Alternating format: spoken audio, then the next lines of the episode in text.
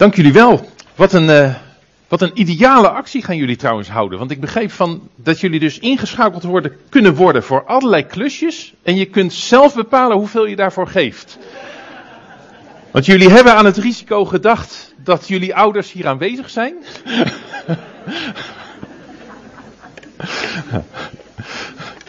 nou.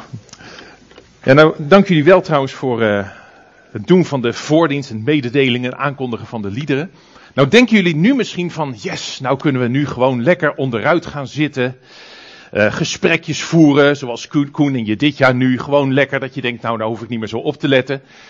Maar dat is niet zo, want ik heb jullie nodig. Um, we gaan namelijk behoorlijk wat bijbelteksten opzoeken. En um, die mogen jullie ook, uh, daar mogen jullie ook wat van lezen. Uh, als je dat niet bij je hebt, of geen bijbel bij je hebt, en je behoort tot ofwel de 8 plus of de 12 plus. Ik heb er hier nog twee extra meegenomen voor, uh, voor noodgevallen, zeg maar. Dus aan wie kan ik hem. Uh... Alsjeblieft. Nog iemand? 12 ja.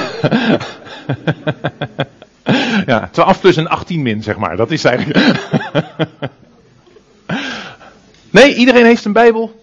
Nou, dat is mooi. Dan. Uh... Dan mag iedereen vast opzoeken um, Hebreeën 12 en Genesis 12. En dan is het handig als je bij Genesis 12 even een, uh, een kaartje of een, of een lintje doet. En we beginnen bij Hebreeën 12.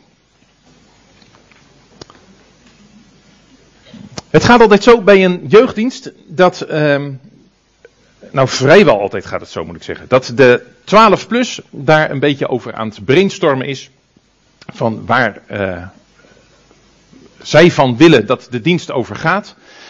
En uh, nou, dan krijg ik op een gegeven moment een mededeling uh, via de app meestal van nou we hebben wat gebrainstormd en dit zijn wat ideeën en we willen graag het hierover hebben. En deze keer was de vraag inderdaad van we willen graag een keer nadenken over moderne afgoden. nou zijn er, denk je aan afgoden al gauw aan dingen waar je voor bidt. Nou, dat soort dingen doen wij eigenlijk, denk ik, niet.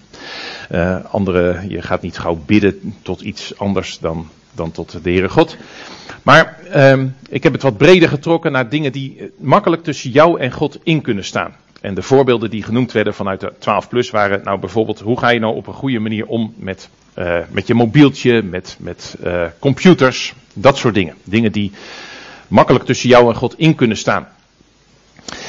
Um, Pas nog kwam ik iemand in mijn omgeving tegen die erg in paniek raakte omdat ze een uh, mobieltje op school had laten liggen en bang was dat ze het hele weekend geen mobieltje had. Nou, dan kan je behoorlijk van, van slag raken of in paniek raken van, ja, hoe moet dat nou? Ik heb mijn mobieltje niet. Nou, dan blijkt dat je er behoorlijk aan vastzit. Dat je toch, nou ja, daar uh, uh, gauw veel tijd aan kwijt bent, veel mee bezig bent. Nou goed, daar wilde ik het met u en met jullie over hebben. Eerst eventjes uh, met iets anders beginnen. Afgelopen maandag was het Blue Monday. Ik weet niet of jullie dat gevolgd hebben. Blue Monday. Dat is de meest deprimerende dag in het jaar.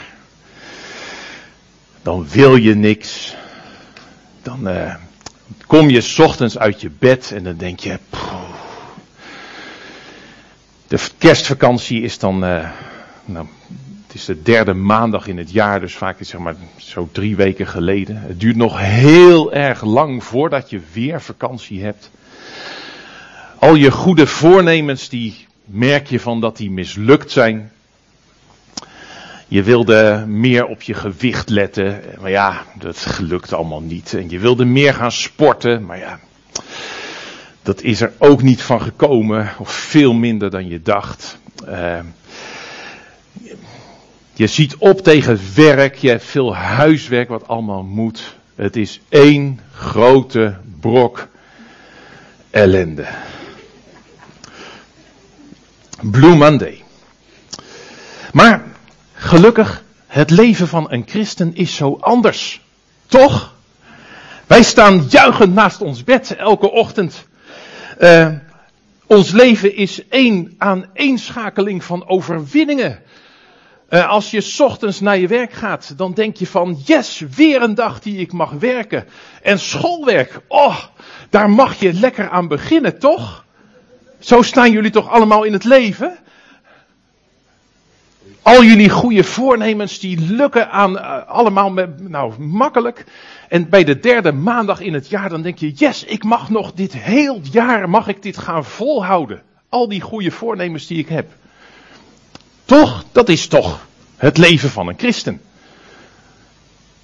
Of niet? ja, was het maar zo'n feest. Toch? Zo gaat het zo gauw.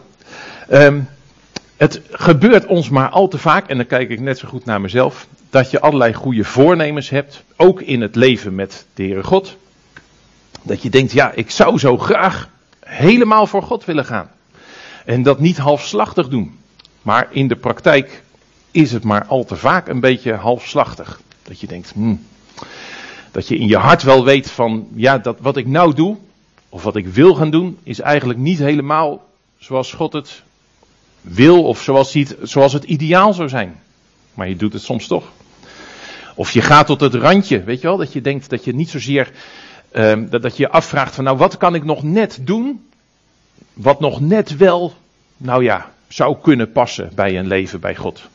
Maar dan is je houding niet zozeer van, uh, nou ik wil echt uit liefde voor God leven, maar meer van, nou wat, wat zou God nog net goed vinden? Toch? Herkenbaar? Niet. Het is vaak zo half wat we doen, wat ik doe, wat jullie doen, denk ik. Uh, in Hebreeën 12, daar wordt het genoemd dat uh, laat je niet uh, of leg af de last van de zonde. We gaan hem dadelijk helemaal lezen. Maar leg af de, de zonde die je zo gemakkelijk in de weg staat. En dat is volgens mij wel de praktijk. Dat het zo gemakkelijk gaat. Je gaat zo makkelijk ga je een zijweg op. We zullen de tekst even helemaal lezen. Uh, Hebreeën 12 en dan lees ik van 1 vers tot vers 4. Wel nu dan, Laten ook wij, dit volgt op een eh, hele rij van allerlei geloofsgetuigen, mensen die voor hun geloof allerlei dingen hebben gedaan. En dan zegt uh, de schrijver, wel nu dan, laten ook wij, nu wij zo, door zo'n menigte van getuigen omringd worden, afleggen alle last en de zonde, die ons zo gemakkelijk verstrikt. En laten wij met volharding, dus met door vol te houden, de wedloop lopen, de wedstrijd doen, die voor ons ligt. Terwijl wij het oog gericht houden op Jezus, de leidsman en voleinder van het geloof. Hij heeft, om de vreugde die hem in het vooruitzicht was gesteld, het kruis verdragen en de schande veracht en zit nu aan de rechterhand van de troon van God. Want let toch scherp op hem, die zo'n tegenspraak van zondaars tegen zich heeft verdragen, opdat u niet verzwakt en bezwijkt in uw zielen. U hebt nog niet tot bloedens toe weerstand geboden in uw strijd tegen de zonde. Dat is een mooie tekst. Ik wil drie dingen eventjes uh, eruit lichten. Zonde gaat heel erg makkelijk. Zonde staat je heel makkelijk in de weg. Um, wij moeten het oog houden op de Jezus. Dat benadrukt hier dit gedeelte. En weerstand bieden kost moeite. Staat hier zegt zelfs, je hebt nog niet tot bloedens toe weerstand geboden. Nou, dat is flink. Weerstand bieden kost moeite. Nou, en ik wil eigenlijk met jullie vooral nadenken vanochtend over van hoe gaat dat nou met, met verleidingen, met dingen die zo makkelijk tussen ons en God inkomen te staan. Hoe werkt dat nou? En dan vooral toegespitst, vooral gelet op uh, hoe ga je om met je mobieltje, met computers, met dat soort dingen. En dan wil ik met jullie kijken naar het leven van Lot. Uh, dus we gaan, uh, ik kom straks weer terug bij Hebreeën 12. Maar ik wil een aantal dingen uit het leven van Lot eruit halen. En daarom gaan we nu terug naar Genesis 12. Omdat het bij Lot volgens mij ook zo is dat hij, terwijl hij het niet wilde, dat hij steeds meer verstrikt kwam, zeg maar, in uh, op een plek waar hij eigenlijk niet wilde zijn en die hem van God afhield. Dus bij Lot zie je volgens mij uh, Nou ja, datzelfde als wat wij vaak ervaren. Je wil het niet, maar het gebeurt toch. En dan wil ik nadenken over van wat kunnen we daar nou, wat kunnen we daaraan doen als je dat wilt. Um, als je de geschiedenis zelf wil nalezen, de geschiedenis is te lang om hem helemaal nu te bespreken. Maar dan zou ik je aanraden om ergens nog de komende dagen is Genesis 13, 14, 18 en 19 te lezen. Uh, dat zijn vier hoofdstukken, dus 13, 14, 18 en 19. Daar gaat het steeds over Lot. En ik wil er nu vooral een aantal teksten uitlichten. Um, eerst Waar we Lot tegenkomen, dat is uh, Genesis 11, vers 31. Ik heb jullie 12 laten opzoeken, want dat was makkelijk te onthouden. Hebreeën 12 en Genesis 12. Maar we moeten eigenlijk net een paar versen ervoor lezen. Uh, 11, vers 31. Daar gaat het over Abram en Tera, uh, die vanuit Ur der Galdeën naar, of in de richting van uh, Canaan trekken. En dan staat er in vers 31 dat en Tera nam Abram, de zoon, zijn zoon, en Lot, zijn kleinzoon, de zoon van Haran. Lot is een, was een neef van Abram. En, nou goed, en, dus, en Sarai, zijn schoondochter, de vrouw van zijn zoon Abram, en zijn trokken met hen uit Ur van de Galdeën om naar het land Canaan te gaan. Later zie je ook dat Lot meetrekt met, met Abraham. In hoofdstuk 12, vers 4 en 5 kom je ook Lot weer tegen. Toen ging Abraham op weg, zoals de Heer tot hem gesproken had, vers 4. En Lot ging met hem mee. Dan staat de leeftijd van Abraham. En dan staat in vers 5 weer dat uh, Lot uh, ook weer met hem meetrekt. Nou, op zichzelf is dat best wel bijzonder. Want dus de stap die wij, um, die vaak wordt genoemd, hè, dat Abraham uit uh, zijn oorspronkelijke gebied ging en door God werd geroepen en naar Canaan uiteindelijk ging. Dat was een grote stap in geloof eigenlijk, om zo van hij volgde God na terwijl hij niet eigenlijk wist waar hij uit zou komen. Maar daar ging Lot, ging met hem mee. Was een, uh, op zich is dat best bijzonder om, uh, Lot wordt daarin niet zo vaak genoemd, maar dat is wel goed om je eens te realiseren. Nou, dan komt er een hongersnood, uh, wordt verder beschreven in hoofdstuk 12. En dan gaat Abram, die gaat naar Egypte, vlucht hij weg. Om die hongersnood te ontlopen. Daar loopt het eigenlijk mis door een, een domme actie van Abraham. Dan wordt hij het land uitgezet. En dan lees je in 13 vers 1 dat hij ook weer samen met Lot uit Egypte komt. Dus dan komen ze weer samen terug. Dus Lot gaat steeds mee. En dan komt er ruzie tussen de herders van Lot en de herders van Abraham. Want dan zijn ze weer in het land. En dat lees je dan verder in hoofdstuk 13. Dan is er een. Uh, uh, nou, er ontstaat ruzie, want ik denk dat het gewoon zo was dat er te weinig grasland was, te weinig waterputten voor al het vee dat ze hadden. En die herders die gingen daar ruzie over maken van wie daar het eerst mocht waterputten of wie de beste stukken grond mocht hebben. En uh, op een gegeven moment zegt Abraham dan tegen Lot: Joh, we moeten onze uh, groepen uit elkaar halen, want dat is beter. Uh, waarom zouden we ruzie hebben met elkaar? En dan laat hij Lot kiezen. Dan zegt hij: Nou, kies maar. Als jij deze kant op wil, dan ga ik, deze kant, ga ik de andere kant op. Ga jij de andere kant op, dan ga ik deze kant op. Kies maar wat je wilt. En dan staat er in 13 eh, vers 10. Zou iemand hem willen voorlezen? Koen, zou jij me. Oh, kijk, je hebt je oortje nog in, zie ik. Als je nou het knopje aanzet, kan iedereen het heel goed horen. 13 vers 10. En Lot sloeg de ogen op en zag dat heel de Jordaanvlakte rijk aan water was, voordat de Heer Sodom en Gomorra te gronde gericht had. Zo was zij in de richting van Zoar als de hof van de Heer, als het land Egypte. Ja, dus het land waar uh, Lot naar keek was als de hof van de Heer. Wat zou ermee bedoeld worden? Vincent, jij een idee? De hof van de Here.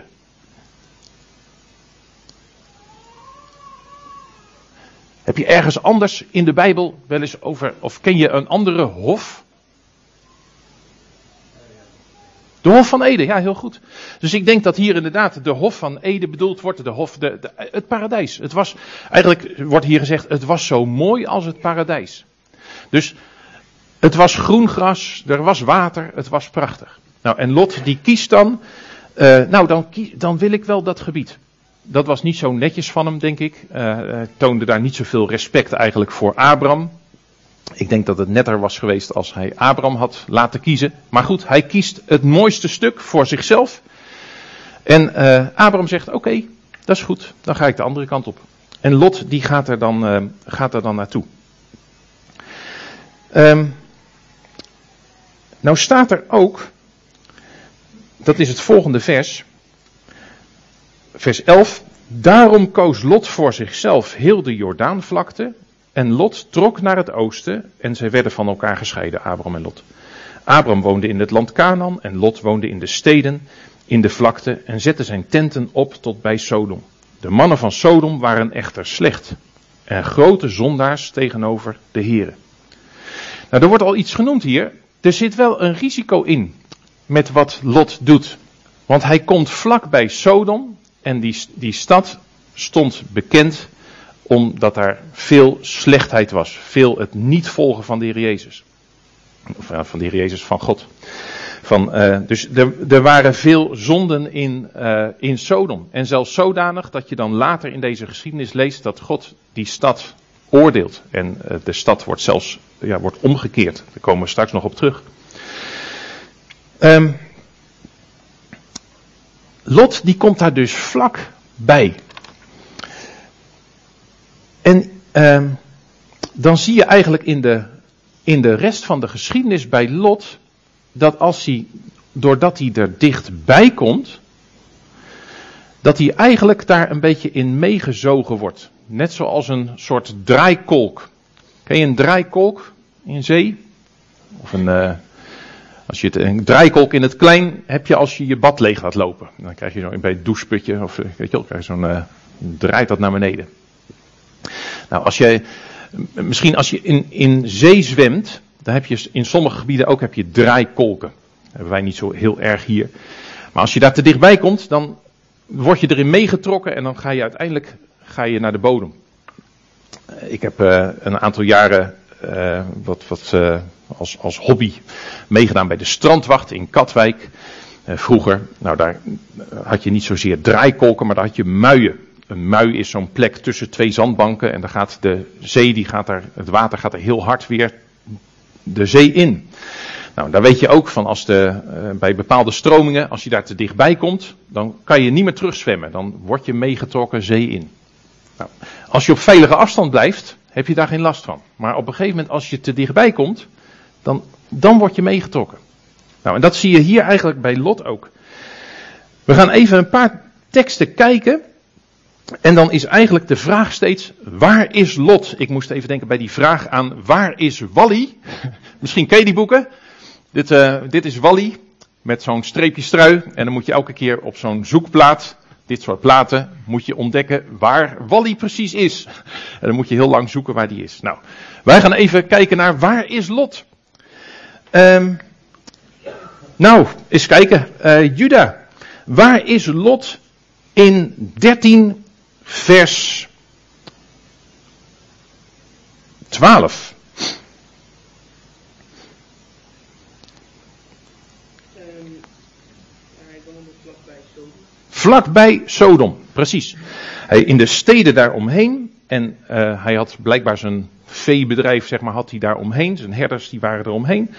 En uh, dan is hij tot vlak bij Sodom. Hij zette zijn tenten op tot bij Sodom. Um, dan, als je dan de, de geschiedenis verder leest, dan kom je in 14 vers 12. Vincent, waar is Lot in 14 vers 12? In Sodom, precies. Ook namen zij Lot, de zoon van Abrahams broer, en zijn bezittingen mee en ze trokken weg. Hij, woonde namelijk in Sodom, staat daar. Dus eerst er vlakbij, op een gegeven moment zit hij er, is hij erin. Ik vraag me daar ook af van wat heeft Lot nou precies gedaan met zijn bezittingen. Um, later in de geschiedenis, als hij moet vluchten uit Sodom, dan lijkt het erop dat hij, dan gaat hij alleen uiteindelijk met zijn twee dochters en zijn vrouw. En het lijkt erop dat hij verder geen bezittingen eigenlijk meer heeft. Dat hij alles kwijt is. Dus of hij dat nou, of hij zijn bezittingen verkocht heeft en in de stad is gaan wonen, of dat hij ook nog, uh, zeg maar, uh, nou ja, herders om de stad heen had. We weten het niet helemaal zeker. Maar goed, het lijkt erop dat hij later in ieder geval niks meer overhoudt. Dus misschien heeft hij het verkocht. Nou goed, ik weet het niet. In ieder geval, eerst dus bij Sodom. Toen woont hij in Sodom. Um, dan gaan we naar 19 vers 1.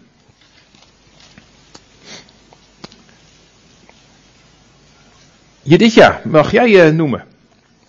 Waar is Lot in 19 vers 1? Ja, in de poort bij Sodom. Jij wist het ook, zag ik. Ja, goed zo. In de poort bij Sodom. In de poort was in, de, in deze tijd waar, was de poort de, de plek waar handel werd gedreven, waar, waar contracten werden gesloten. Waar uh, wij zouden zeggen, als je naar een notaris gaat, bijvoorbeeld om officiële dingen te regelen, om dat vast te leggen, dan ga je, gaan wij naar een notaris. Nou, dat gebeurde toen in de poort. Je komt het bijvoorbeeld ook tegen in het boek Rut. Als uh, Boas een huwelijk wil regelen, dan gaat hij naar mensen in de poort. Nou, in, in de poort, daar gebeurde het, zeg maar. Daar was de, als je mee wilde doen, was je in de poort. Dus eerst, hij was bij de stad, toen was hij in de stad. En hier merk je van, hij deed volop mee. Hij, hij hoorde, zeg maar, bij de mensen die, uh, nou ja, waarvan alles gebeurde in Sodom. Nou, dan um, lees je verder ook in, in de loop van deze uh, geschiedenis dat, uh, dat hij op een gegeven moment ook getrouwd is.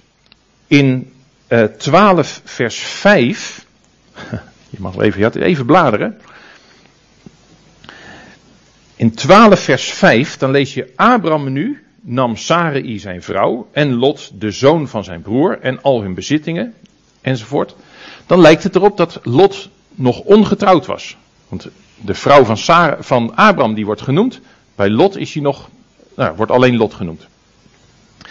En um, later ook in 13 vers 1 ook wordt alleen Lot genoemd. En dan in Sodom kom je hem op de eens tegen in 19 vers 15. Dan blijkt dat hij een vrouw heeft. Het zou best wel eens kunnen dat hij getrouwd is met iemand in Sodom. Helemaal zeker weten we dat ook niet. Maar het is wel, het is voor het eerst dat we de vrouw van Lot tegenkomen in Sodom.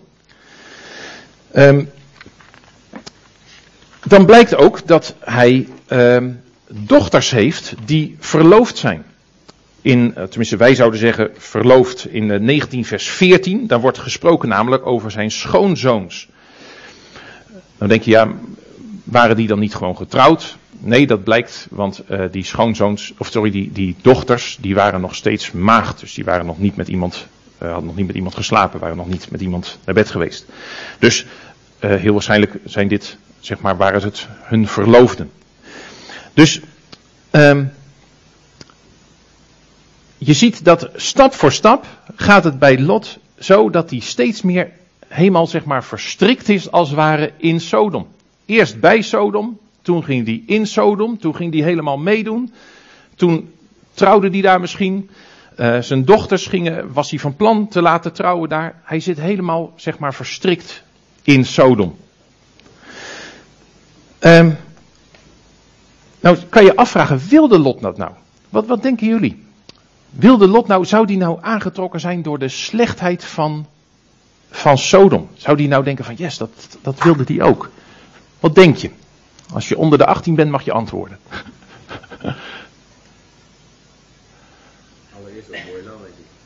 Wat zeg je? Allereerst komt het mooie grasland. Ja, precies. Ik denk dat inderdaad in, in de eerste plaats was, kwam die gewoon voor het gras, voor het mooie grasland. Het is een beetje een uh, gemene vraag, want er staat namelijk, of ja, gemeen, maar er staat, er staat in de Bijbel staat er ook iets over. Over wat, wat Lot wilde. In, hoef je niet op te zoeken, maar in 2 Petrus 2, uh, je kan het thuis eens nalezen, makkelijk te onthouden, 2 Petrus 2, daar staat over Lot, dat hij leed onder, het, onder de losbandige levenswandel van normloze mensen. En dat hij dag in dag uit zijn rechtvaardige ziel gekweld heeft bij het zien en horen van hun wetteloze daden. Dus hij wilde het helemaal niet. Het was niet zoiets dat hij nou die, dat hij aangetrokken werd door de slechtheid van Sodom. Nee, hij, hij bleek erin te zitten. Zonder dat hij het wilde eigenlijk. Hij werd aangetrokken door iets anders. Ehm, maar toen hij één keer binnenkwam en binnen was, kwam die bijna niet meer weg. Nou, dat lees je in het vervolg. Ehm, we zullen daar ook even bij een aantal dingen stilstaan. Er komen twee engelen en de Heere God. Drie personen komen bij Abraham. En die zijn op doorreis naar Sodom. En uh, ze komen bij Abraham om de belofte die God aan Abraham had gedaan, om die nog eens te bevestigen. En vervolgens om naar Sodom door te gaan, om die stad te oordelen. En dan krijg je trouwens een prachtige uh, uh, gesprek tussen Abraham en, uh, en de Heere God. Je kunt dat lezen in hoofdstuk 18. en daar gaat het daarover dat Abraham dan zegt van ja, maar als u nou Sodom gaat oordelen, ja, u gaat toch niet onrechtvaardig, nee, u gaat toch niet rechtvaardige mensen ook oordelen samen met de onrechtvaardigen? Dat, zo bent u toch niet? En dan blijkt uit dat hele gesprek dat God inderdaad, als, die, als er maar, nou ja, nog maar enige rechtvaardigen zijn in Sodom, dan zegt hij nee, dan zal ik de stad niet oordelen. Dus daar blijkt volgens mij heel erg uit hoe rechtvaardig God is. Dat hij niet uh, zomaar zonder erbij na te denken, uh, nou, mensen zou veroordelen. Nee, God is, als er maar enigszins de kans is om een oordeel niet te geven, dan, dan is God bereid om dat niet te doen. Het is een heel mooi gesprek. Moet je maar eens nalezen als je thuis, uh, als je deze week nog nou, uit de Bijbel wilt lezen zelf. Um, nou, dan, gaan, dan gaat de Heere God weg. En die twee engelen die gaan dan door naar Sodom.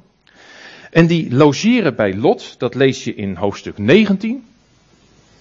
En um, ja, dan gebeuren er eigenlijk verschrikkelijke dingen daar in Sodom. Die mensen in Sodom, die willen uh, die uh, twee engelen die daar komen, die komen daar dus in, ja, in mensengedaante. Dus ik denk niet dat, ze, dat de mensen in Sodom wisten dat dat engelen waren.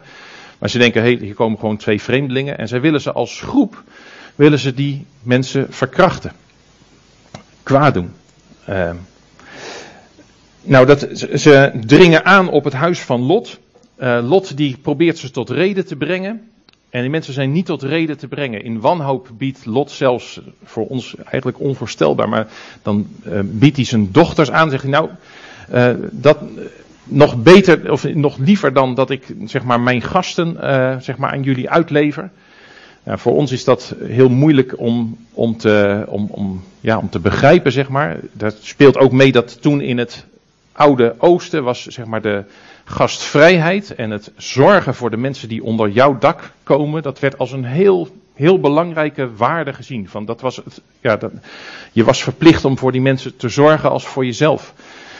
Uh, of nog beter zelfs dan, dan voor jezelf. Dus ik denk dat je hier, ja, dat dit een, een wanhoopsdaad eigenlijk van Lot was. Dat jij van nou, ja, uh, dan mijn dochters maar. Maar mensen zijn nou zelfs bij dit absurde aanbod eigenlijk niet tot, uh, tot reden te brengen.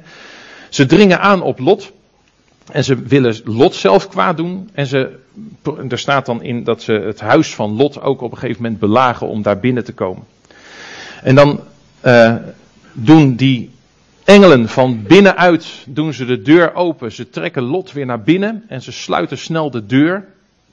En ze zorgen ervoor, dan gebeurt eigenlijk een wonder, maar dan zorgen ze ervoor dat die mensen die, die dat huis uh, belagen, dat ze het niet meer, uh, dat ze niet meer goed kunnen zien. Dat ze niet meer, uh, ze, ze kunnen, zeg maar, het, nou ja, als het de, de, deur niet meer vinden. Dat is een wonder dat, ja, dat God doet. En dan zeggen die engelen tegen Lot, je moet hier weg. Je moet zo snel mogelijk weg, want God gaat deze stad oordelen.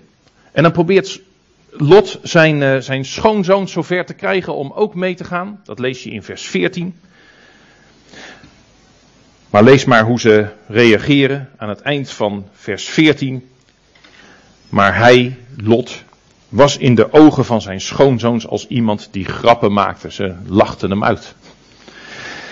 Uh, en dan zeggen die engelen dus steeds van je moet weg nu, je moet uit uh, Sodom weg. Maar Lot blijft maar aarzelen. Kijk maar in vers 16. Lot aarzelde echter. En daarom moet hij letterlijk, wat, wat, wat doen die engelen dan? Juda, wat doen die engelen? In vers 16.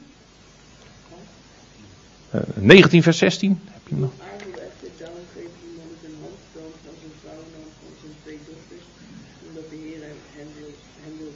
Ja, precies. Dus die mannen, dat zijn die engelen daar, die grijpen letterlijk zijn hand en dat, die, de hand van zijn vrouw en van zijn dochters van jullie moeten mee. Ze worden letterlijk bij de hand genomen om, om mee te gaan. Um, en ze krijgen dan de opdracht nog mee in vers 17 van kijk niet achterom, vlucht zonder aarzelen, ga weg. Want je moet hier weg, want anders dan gaat het mis. Dan word je samen met Sodom word je geoordeeld. Die vrouw van Lot, die doet dat niet. En dat lees je in vers 26. Uh, die vrouw die achter hem liep, achter Lot aan, uh, keek achter zich. En dan staat er dat zij werd een zoutpilaar. Dat is, als je dit zo leest, denk je ook van, hè, wat gebeurde daar nou, uh, nou precies? Hoe, hoe kan dat nou zo? Uh, nou, allereerst even van, waarom, uh, waarom keek de vrouw van Lot nou om? Nou, daar staat ook iets over in het Nieuwe Testament, in Lucas 17, vers 32. Daar zegt de Heer Jezus over de vrouw van Lot: Denk aan de vrouw van Lot. En dan vervolgt hij: Wie zijn leven zal proberen te behouden, die zal het verliezen. Wie zijn leven probeert te behouden, zal het verliezen.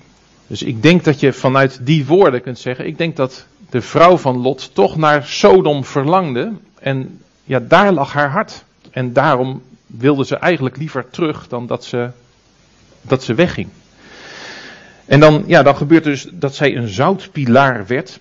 Ik denk zelf dat je daar iets bij moet voorstellen. Zoals wat er gebeurd is bij de, uh, in Pompeii. Ik weet niet of je daar eens van gehoord hebt, maar de, het stadje in Italië. Dat is door de uitbraak van de Vesuvius. Is dat, uh, de Vesuvius was een vulkaan. Daar kwam enorm veel uh, gas en giftige gas en allerlei, nou ja, andere as en zo kwam uit die vulkaan. En dat heeft eigenlijk dat hele stadje bedekt. En eerst door de giftige dampen zijn die mensen daar gewoon ja, gestikt, zeg maar, in de houding zoals ze met waar, ze mee bezig waren. En vervolgens uh, zijn ze bedekt met as. En nu kun je nog precies die mensen ja, zien, eigenlijk ook gewoon echt nog in, niet alleen hun skeletten, maar hun hele vorm kun je nog precies zien, omdat ze in de as, uh, ja, is dat helemaal bewaard gebleven. Nou, ik denk op zo'nzelfde soort manier dat dus de, de vrouw van Lot, ik denk, ja, misschien werd ze ook bevangen door uh, de giftige dampen en zo die er uh, kwamen, want God die keerde de stad om. Dus er kwamen, net als uit een vulkaan, krijg je natuurlijk ook allerlei giftige gassen. dat zal hier misschien ook gebeurd zijn. En dat zij bedekt werd met, nou ja, er staat zwavel en vuur, maar het gebied is daar ontzettend zout ook, zit ontzettend veel zout in de grond. Gebied waar nu de, de Dode Zee is, hè, dus dan weet je van, er zit heel veel zout uh, zit daar. Dus dat zij overdekt werd met, met zout zo en ja, in de houding waarin zij vluchtte, uh, zo is uh, blijven staan. Goed, even terug naar Lot. En dan terug naar, wat, naar de toepassing voor ons. Wat ik zo opmerkelijk vind bij Lot, is hij wilde niet bij die zonde en bij die slechte dingen in Sodom zijn. Maar hij kwam er niet weg. Hij kwam inderdaad, wat Koen net al zei, hij kwam voor het gras bij Sodom. En dacht, nou ja, goed, die stad daar, dat is niet zo erg. Maar ja, toen vervolgens kwam hij in de stad. Vervolgens ging hij meedoen. Vervolgens trouwde zijn, wilde hij zijn dochters laten trouwen. Trouwde hij zelf. Raakte hij erin verstrikt. En hij moest letterlijk bij de hand genomen worden om weer weg te komen.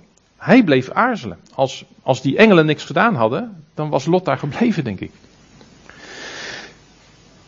Nou, zo zijn er volgens mij ook in ons leven veel dingen die makkelijk tussen ons en God in kunnen staan.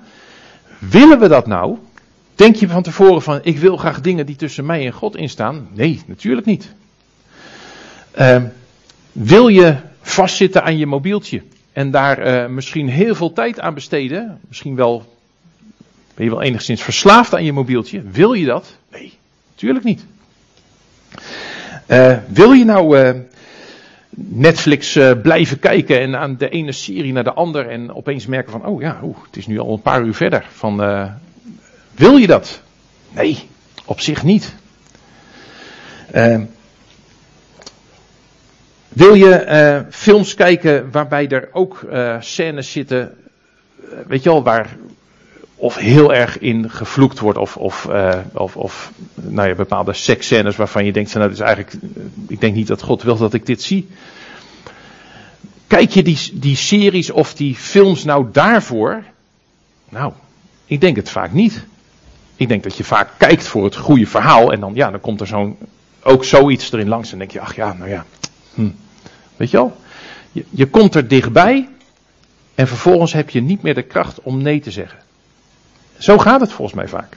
Niet omdat je het nou het slechte wil, maar omdat je niet de, uh, omdat je te dichtbij gekomen bent.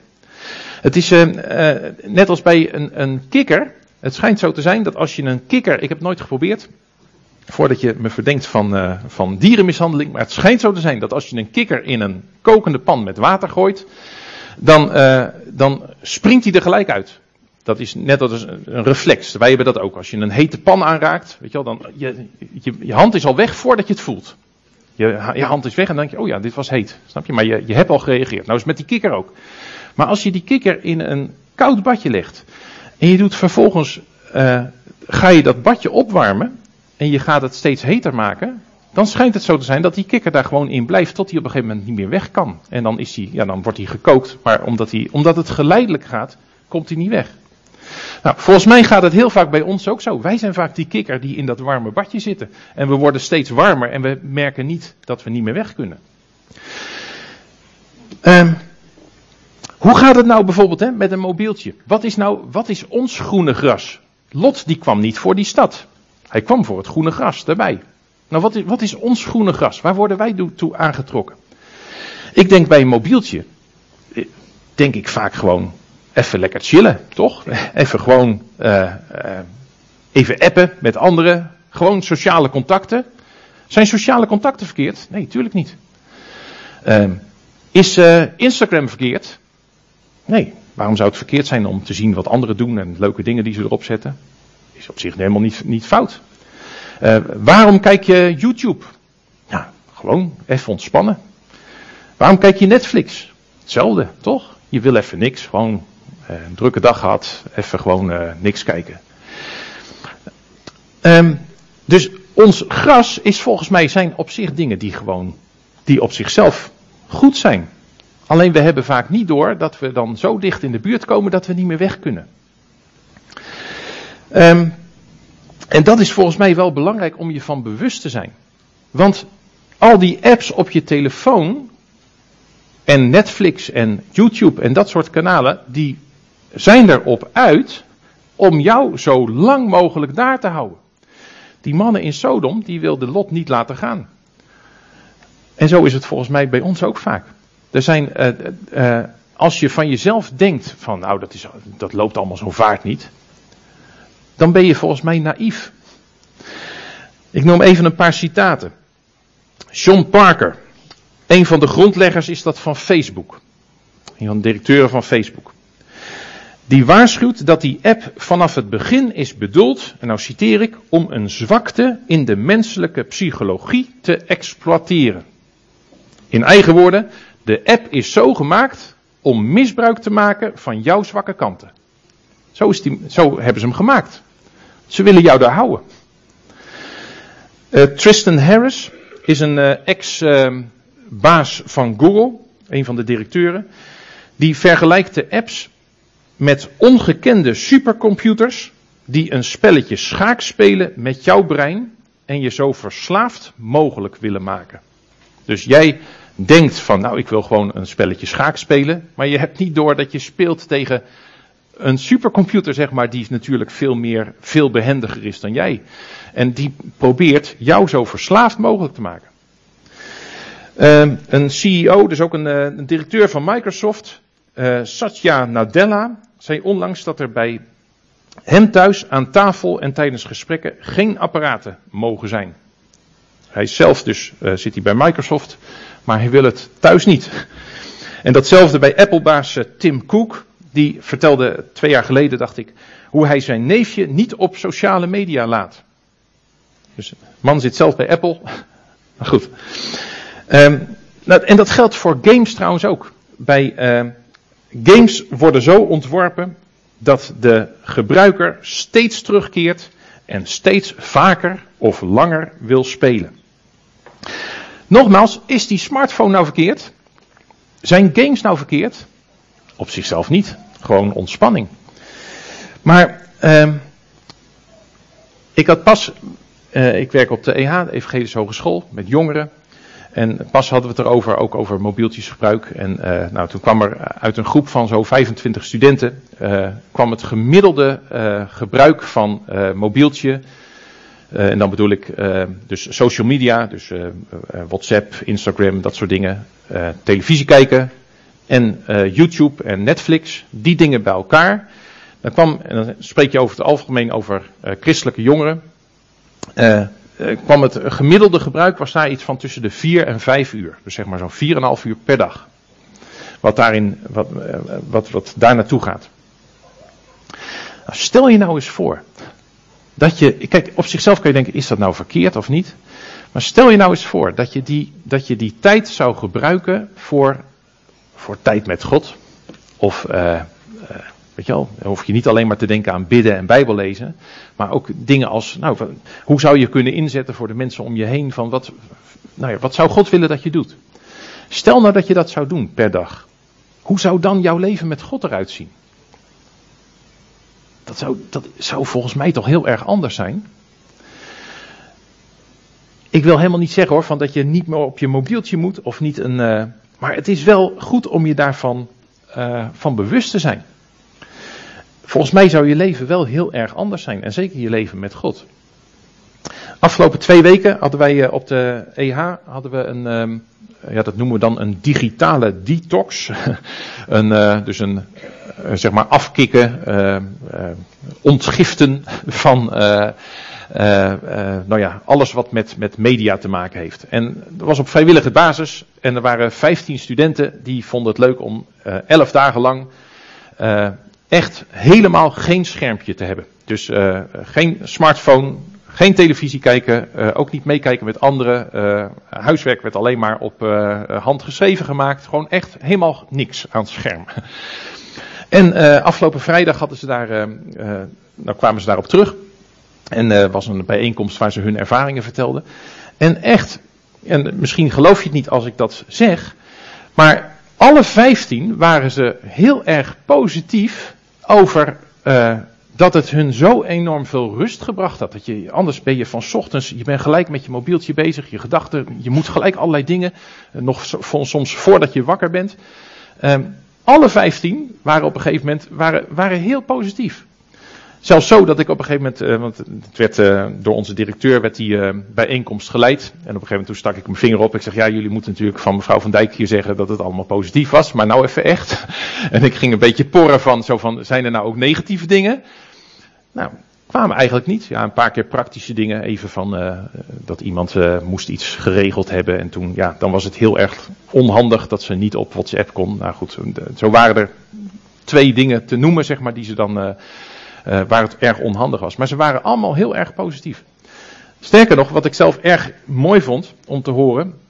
Wij EH hebben we over het algemeen uh, christelijke jongeren, maar er komen ook jongeren die uh, erg twijfelen over geloof en soms niet geloven. Een van de meisjes die meedeed met die digitale detox was een meisje wat erg twijfelde over geloof en eigenlijk niet, nou ja, niet zelf echt geloofde.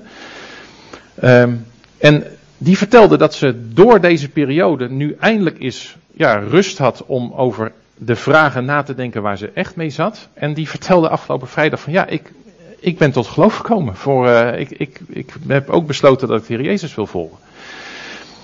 Komt het nou door zo'n, door, uh, weet je wel, uh, door je mobieltje of de. Nee, op zich, natuurlijk zijn er heel veel andere redenen ook. Maar het is wel, ik geloof echt dat het zo is dat rust vinden om echt God te volgen, daar is volgens mij ons mobieltje een van de grootste afleiders in. En dit is een jongere dienst, maar volgens mij geldt dat net zo goed voor de ouderen hier. um, goed. Um, hoe kun je dat veranderen? Ik zie dat de tijd doortikt, dus ik ga een paar concrete dingen noemen en dan sluit, daar sluit ik mee af. Hoe zou je dat kunnen veranderen? Wat kan je daaraan doen? Nou, ik denk dat het eerste is, gewoon dat het heel erg belangrijk is om je ervan bewust te zijn. Ga voor jezelf eens na. Hoeveel tijd besteed je eigenlijk aan dat ding? Dat is over het algemeen veel meer dan wat je denkt. Als je nu denkt van, nou, 4,5 uur per dag bij die studenten, dat is wel heel veel. Nou, zet het maar eens op een rij wat je zelf besteedt. Het zou best wel eens in dezelfde buurt kunnen komen, of misschien nog wel meer. Uh, voor uh, telefoon heb je handige apps daarvoor ook. Op sommige uh, nieuwe telefoons zit dat standaard erop. Maar je kan bijvoorbeeld de app Quality Time, dus uh, Quality met een Q, zet hem er maar eens op en dan kan je per dag zien hoeveel, hoeveel keer je het scherm opent, hoeveel keer, gewoon hoeveel tijd je eraan besteedt. je kan ook denken aan de app Jona, Jona met een Griekse ei. dat is een christelijke app die erop gericht is ook om nou ja, op een gezonde manier om te gaan met je, met je mobieltje. Um, tweede, dus eerst is door je van bewust te zijn. Weten van, nou ja, hoeveel tijd je eraan besteedt. Twee is radicaal zijn. We begonnen net met het verhaal met Hebreeën 12. Um, daar staat eigenlijk dat de dingen die, uh, die je van God afleiden, die gaan zonder moeite. Het je daartegen te weerstellen, dat kost moeite. En ik geloof dat, uh, dat je daar radicaal in moet zijn. De heer Jezus zegt, als er dingen zijn die jou van God afleiden, ik zeg het even in eigen woorden, uh, als je oog je tot zonde verleidt, ruk hem uit. Nou, dat is denk ik beeldend bedoeld, maar de Heer Jezus die maakt daarmee duidelijk van, het zijn geen halve maatregelen moet je treffen. Nou ja, je kan natuurlijk zeggen, ik heb twee ogen. Maar je snapt wat ik bedoel. Dus geen, het gaat om uh, radicaal zijn. Dus bewustzijn, radicaal zijn. Het derde, door hulp te zoeken bij de Heer Jezus. Uh, dat is waar Hebreeën 12 over spreekt. Hou je oog gericht op de Heer Jezus. Um, de schrijver daar zegt, wij hebben, of jullie hebben nog niet tot bloedens toe weerstand geboden tegen de zonde. Maar er is er één die dat wel gedaan heeft. En dat is de Jezus. Die heeft wel tot bloedens toe, zelfs tot in de dood toe, tot in het allerdiepste denkbare lijden toe, heeft hij weerstand geboden tegen de zonde en heeft die zonde overwonnen. Hij, heeft, hij is niet meegegaan. Dus als wij ergens hulp kunnen zoeken, dan is het bij hem. In Hebreeën 4, moet je maar eens nalezen zelf. Hebreeën 4, vers 15 en 16. Vind ik zelf altijd erg mooie teksten. Uh, daar staat dat de Heer Jezus ook hulp wil geven.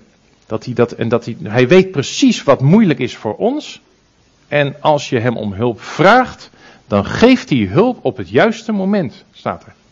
Prachtige tekst. Dus we kunnen hulp zoeken bij de Heer Jezus en hij wil het nog doen ook. Dus het kan. Dat is punt 4. Dus 3 is hulp zoeken bij de Heer Jezus. Erken dat je het zelf niet kan. Ik denk dat je het zo concreet kan maken als dit. Als je denkt dat je om kunt gaan met je computer en in je mobieltje, dat je daar op een gezonde manier mee om kunt gaan, zonder dat ook daarover te bidden met de Heere God, dan gaat het je niet lukken. Lot die moest bij de hand genomen worden om meegetrokken te worden. Zo is het bij ons ook. Als je denkt, nou dat kan ik zelf wel hoor. Volgens mij uh, eindigt het dan met uh, Blue Monday. Na drie maandagen denk je, ah, niet, weer niet gelukt. Volgens mij kan het alleen maar met hulp van, van God. Dus zoek hulp bij de Heer Jezus. En dat kan gelukkig ook, omdat de Heer Jezus ons, uh, ons wil helpen. En kijk, bij die, bij die vrouw van Lot, daar ging het mis omdat zij zich omdraaide. En ze had de instructie gekregen, kijk naar waar je naartoe wil. Blijf daar naar kijken. De schrijver van Hebreeën die zegt, blijf naar de Heer Jezus kijken, anders gaat het mis. Uh, het ging mis omdat zij zich omdraaide. Niet omdat die stad niet meer te zien was waar ze naartoe ging. En zo is het volgens mij bij ons ook als wij hulp willen van de Heer Jezus. De Heer Jezus is wel te zien. Als wij de Heer Jezus niet meer in het zicht hebben, komt het omdat wij ons omgedraaid hebben, volgens mij. Omdat wij de andere kant op kijken. Dus zorg dat je de Heer Jezus uh, blijft zien. Uh, zorg dat je je herinneringen hebt waardoor je op Hem gericht blijft. Heel concreet. Uh, zorg bijvoorbeeld voor herinneringen om te bidden op momenten dat je weet dat het lastig is. plak een geeltje op je televisiescherm. Of ernaast. Erop is misschien een beetje storend. Maar plak hem ernaast. Met van, uh, nou, zorg dat je wat, wat je wil zien, dat, de, dat dat in overeenstemming is wat, wat de Heer wil. Of um, op de rand van je computer. Of uh, zorg dat een. Uh, stel je telefoon in. Dat hij bijvoorbeeld een, een melding geeft als je langer dan een uur op social media zit. Stel je telefoon in dat hij een herinnering stuurt om aan God te denken. Kan ook hè? Kan je zo'n ding voor gebruiken. Wij gebruiken hem vaak voor, uh, nou, gebruik, gebruik hem voor heel veel handige dingen. Dit is volgens mij heel handig aan zo'n ding. Je kan herinneringen aan jezelf sturen. Uh, om nou, Bijbel te lezen, om te bidden, om dat soort dingen. draag een bandje als WWJD bijvoorbeeld. Sommige mensen doen dat. Dat helpt zo van, oh, als ze dat bandje zien, denken ze, wat moet Jezus doen? Wat zou de Heer Jezus doen? Nou, ik ken iemand die heeft een ring om. Die heeft, uh, daar staat op die ring, het is een beetje zo'n iets dikkere ring, en er staat het hele Onze Vader in gegraveerd. Nou, hem helpt het om, als hij die ring ziet, te denken, oh ja, even bidden. Uh, spreek met vrienden af. Om bijvoorbeeld elkaar daarop te bevragen. De, heb je in het Engels zo'n mooie term voor, een accountability partner. Iemand aan wie je verantwoording aflegt. Uh, die jou mag vragen van, hoe gaat het eigenlijk met, vaak uh, op uh, Netflix zitten of op je telefoon. Of, weet je wel, maak, dat soort, maak het jezelf moeilijk om uh, daar heel veel, nou, da daardoor weggeleid te worden. Weggenomen te worden door, ze, door de verleidingen. Dus wees je bewust dat als je niks doet en je geen bewuste keuze maakt, dan wordt die keuze wel voor jou gemaakt. Volgens mij. Dus wees niet naïef. Wees radicaal. Zorg voor herinneringen. En uh, zodat je als je, jij het moeilijk vindt, uh, dat je daardoor wel geholpen wordt. Dus bied weerstand tegen de zonde die ons zo makkelijk in de weg staat en hou je oog gericht op Christus. Dat is volgens mij heel in het kort waar het om gaat. En maak dat praktisch voor jezelf. Als je nou er niks mee gaat doen straks, dan heb je volgens mij aan het hele verhaal niks gehad. Dus Ga eens even met elkaar, uh, of straks misschien eens aan de keukentafel eens even zitten van nou, wat gaan we er nou mee doen? Volgens mij als je er uh, niet concreets mee doet, dan gebeurt er niks. Ik wil het, nee, ik wil afsluiten eigenlijk met bidden. Laten we dat doen. Lieve Vader in de hemel. Heren, we weten dat het vaak zo ontzettend moeilijk is om u te volgen uh, niet, zo omdat, niet omdat we dat niet willen, of omdat we dat diep, diep in ons hart niet willen, maar omdat we weten dat we zo heel makkelijk ja, van het padje gaan en uh, meegetrokken worden door dingen die uh, op zichzelf niet verkeerd zijn, maar ons wel zodanig in beslag nemen dat we er niet meer aan toekomen om, om bij u te zijn, om echt met u te leven. Heren, wilt u ons daarbij helpen? Wilt u, ja, wilt u ons op uw weg houden? Maar wilt u ons ook de, de moed en de kracht geven om daaraan te doen wat we daar zelf aan kunnen doen. En om niet de verantwoordelijkheid uh, ja, af te schuiven. Heren, wilt u ons helpen daarbij? En uh, dat is iets wat ontzettend moeilijk is. En daarom willen we ook uw hulp daarbij vragen. Want zonder u, heren, redden we dat niet. Dank u, heren, dat u, heren Jezus, voor ons bent gestorven. Dat u uh, precies weet wat onze moeite zijn, wat, onze, wat wij lastig vinden en dat u ons wilt helpen, omdat u dat kunt. Dank u, Heer Jezus, daarvoor. Om Jezus wil. Amen.